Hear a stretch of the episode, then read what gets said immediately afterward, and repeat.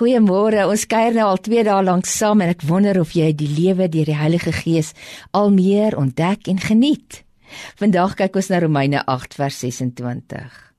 Die Gees van God help ons ook nog boonop in ons onbeholpenheid. Ons weet immers nie mooi wat en hoe ons moet bid nie, maar die Gees self neem ons gebedsbehoeftes voor God op met versigtings wat nie in menslike taal verwoord kan word nie. En die God wat die dieptes van elke hart deurgrond, weet wat die Gees in die oog het, dat hy in harmonie met God se wil vir die gelowiges intree. Wanneer gebed nou nie meer 'n 5 minute handeling in die oggend en aand is nie, maar jy heeldag met die Here praat, is jy ook outomaties heeltyd ingeprop by 'n hemelse kragbron. Dan word mens nie meer geestelik so moeg nie. Dan bid jy nie meer uit nood nie, maar vanuit jou verhouding met die Here Jy's oor alles met hom in gesprek en hy praat ook met jou.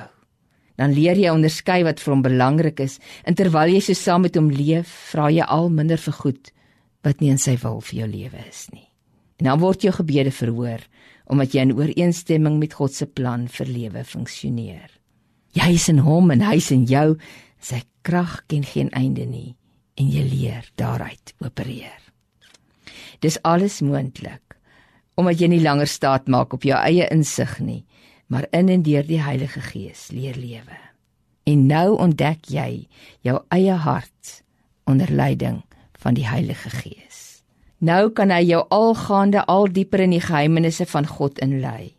In Jakobus 4 vers 3 lees ons as jy bid ontvang jy nie omdat jy verkeerd bid. Heilige Gees begelei ons om ons motiewe te ondersoek en vir ons te wys hoe ons harte regtig lyk. Ons kom nie altyd agter hoe versluier ons verstaan van God is nie. Ons besef nie hoe selfgerig ons optrede en hoe selfsugtig ons begeertes is nie. Maar in 'n 24/7 verhouding saam met die Heilige Gees ontdek ons al meer dat hy die hart van die Vader met ons deel. En dan kan ons vooropgestelde idees, voorveronderstellings en vrese begin plek maak vir God gegeewe waarheid.